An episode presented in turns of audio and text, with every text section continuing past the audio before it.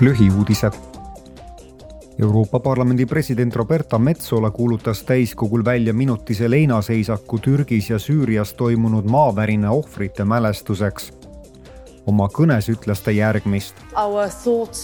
oleme oma mõtetes koos hukkunute perekondadega, lõksu jäänud inimestega, vigastatutega ja kõigi päästjatega, kes jooksevad ööd ja päevad ajaga võidu, et elusid päästa. Euroopa on neis kannatustes Türgi ja Süüria rahvale toeks, ütles president Metsola, lisades, et Euroopa Liidu kodanikukaitsemehhanism on aktiveeritud ja abi on teel. eile võttis parlament vastu uued CO2 heitenormid sõiduautodele ja kaubikutele. Komisjoni juhtiv asepresident Franz Timmermans arutas liikmesriikidega saavutatud kokkulepet parlamendiga, öeldes järgmist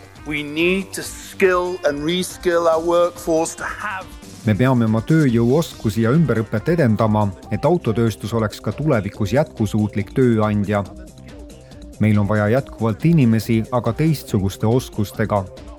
tööstusrevolutsioon toimub, kas see meile meeldib või mitte. See on meie otsustada, kuidas seda protsessi juhtida. me võime seda teha kooskõlas meie sotsiaalsete väärtustega ent võime ka juhtimise jätta teistele maailma piirkondadele, jäädes sel juhul vaid gaasjooksiku ossa. uued normid, mis näevad ette autode ja kaubikute CO2 heite nulleesmärgi saavutamist kahe tuhande kolmekümne viiendaks aastaks, on üks peamistest meetmetest Euroopa Liidu kliimaneutraalsuse eesmärgi saavutamiseks kahe tuhande viiekümnendal aastal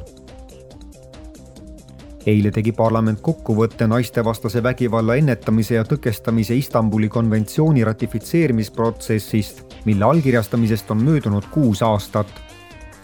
täna hääletab parlament resolutsiooni üle, milles kutsutakse konventsiooniga liituma sellest siiani eemale jäänud liikmesriike. Need on Bulgaaria, Tšehhi, Ungari, Läti, Leedu ja Slovakkia